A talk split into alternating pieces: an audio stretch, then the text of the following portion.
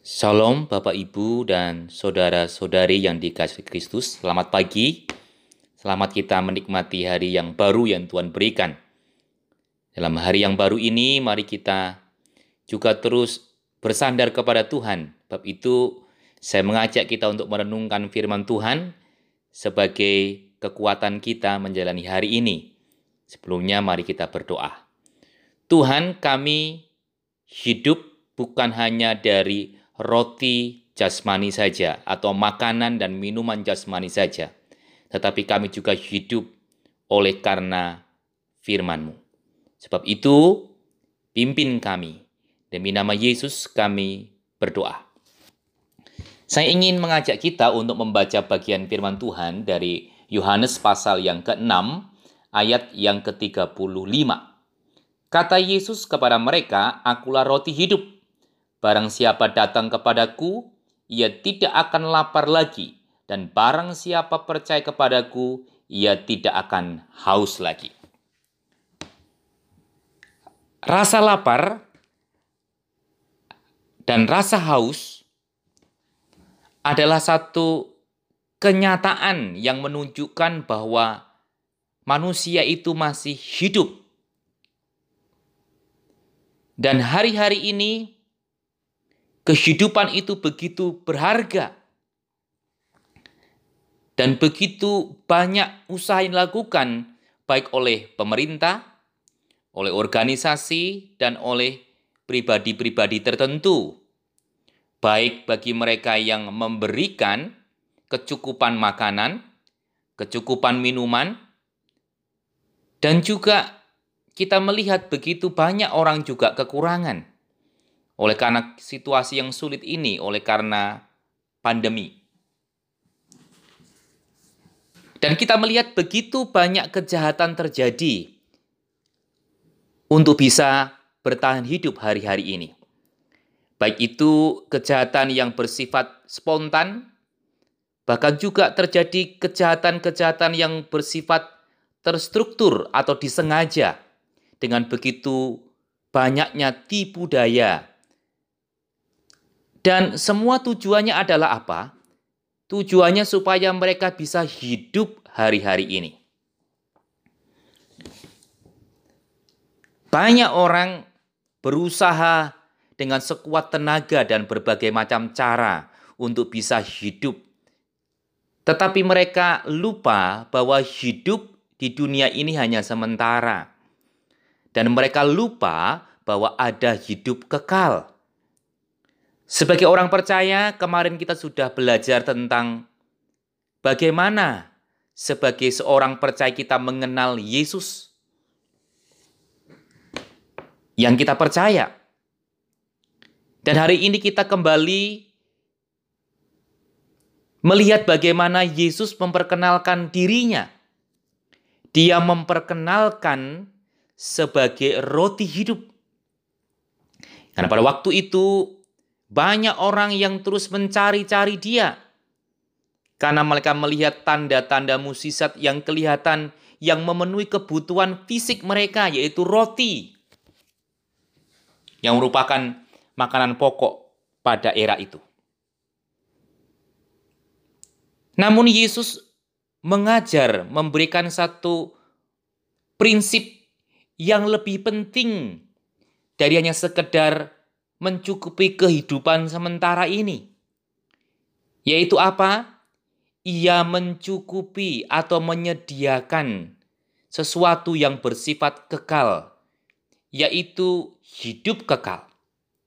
Dan untuk beroleh hidup kekal itu, tidak ada jalan lain, yaitu mengenal Dia dan percaya kepadanya. Dan ia memperkenalkan diri pada bagian ini, jikalau ingin beroleh hidup yang kekal itu, maka mereka harus memakan roti hidup itu. Jadi percaya adalah memakan roti hidup itu.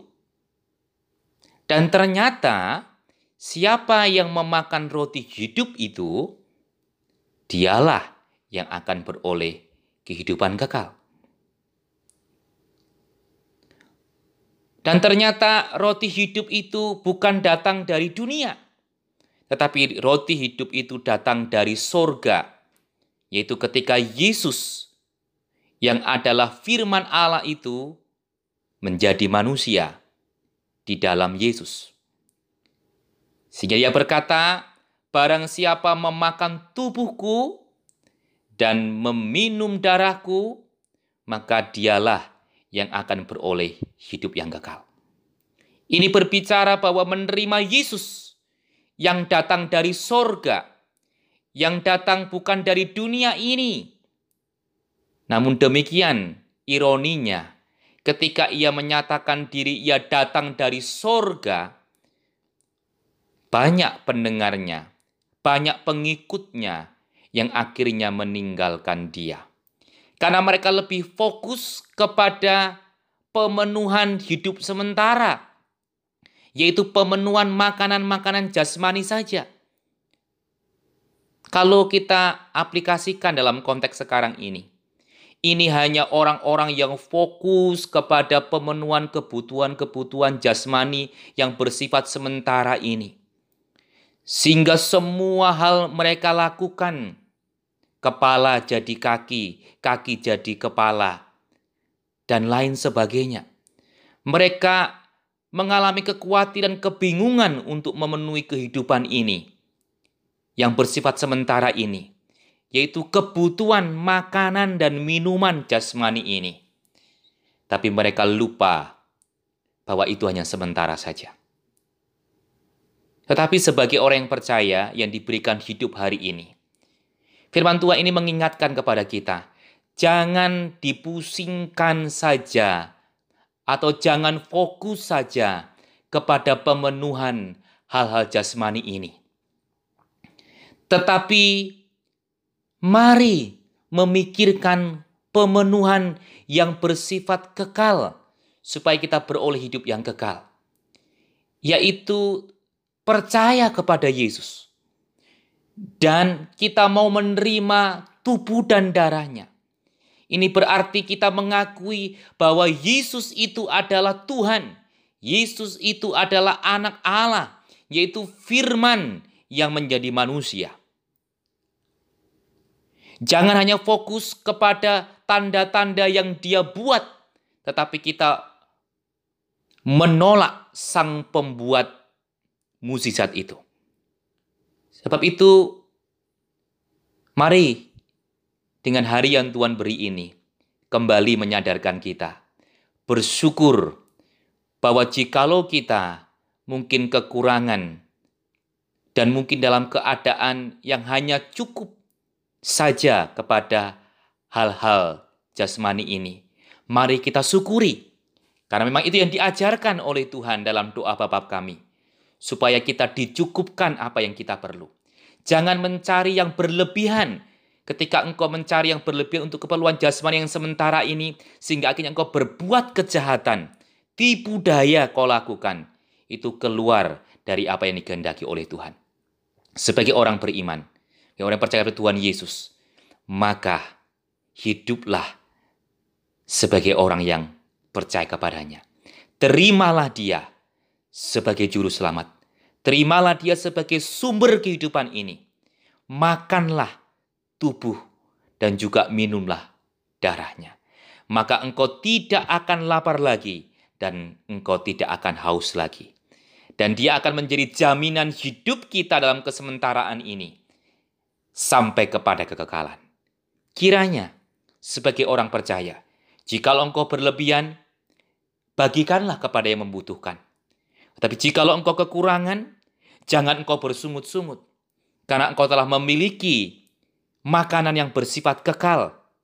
Karena jikalau engkau harus menderita, bahkan sampai kepada kematian karena tidak dicukupkan keperluan jasmanimu, engkau tetap akan mengalami kehidupan kekal karena engkau percaya kepada Tuhan Yesus. Kiranya firman Tuhan ini memberkati dan menolong kita. Mari kita berdoa. Tuhan kami berdoa, jikalau kami sebagai orang percaya memiliki kelebihan dan kami bisa membagikan, jangan kami menjadi orang yang pelit, menjadi orang yang kikir, sehingga kami hanya mementingkan diri kami sendiri untuk bisa hidup dalam kesetaraan ini dan melupakan orang lain yang perlu kami bantu. Tetapi jikalau kami Tuhan karena kondisi ini kami dalam kekurangan, bahkan mungkin kami bisa mengalami kelaparan oleh karena hal yang kami alami situasi dan kami tidak mendapatkan segala bantuan itu. Bahkan mungkin suatu saat kami harus mengalami kematian itu. Tetapi buat kami tetap bersyukur tidak bersungut-sungut. Jikalau kami memang harus mengalami penderitaan kematian dalam kesementaraan ini, kami telah beroleh jaminan hidup yang kekal, yaitu dalam Yesus Kristus. Sebab itu kuatkanlah kami semua orang percaya, baik yang berkecukupan, baik yang berkelebihan, bahkan yang berkekurangan, kuatkan, teguhkan kami, supaya kami tidak meninggalkan Engkau, sang roti kehidupan itu. Biarlah kami tetap kokoh dan kuat dan mengenal Engkau, dan tidak menyangkali Engkau. Demi nama Yesus, kami berdoa. Amin.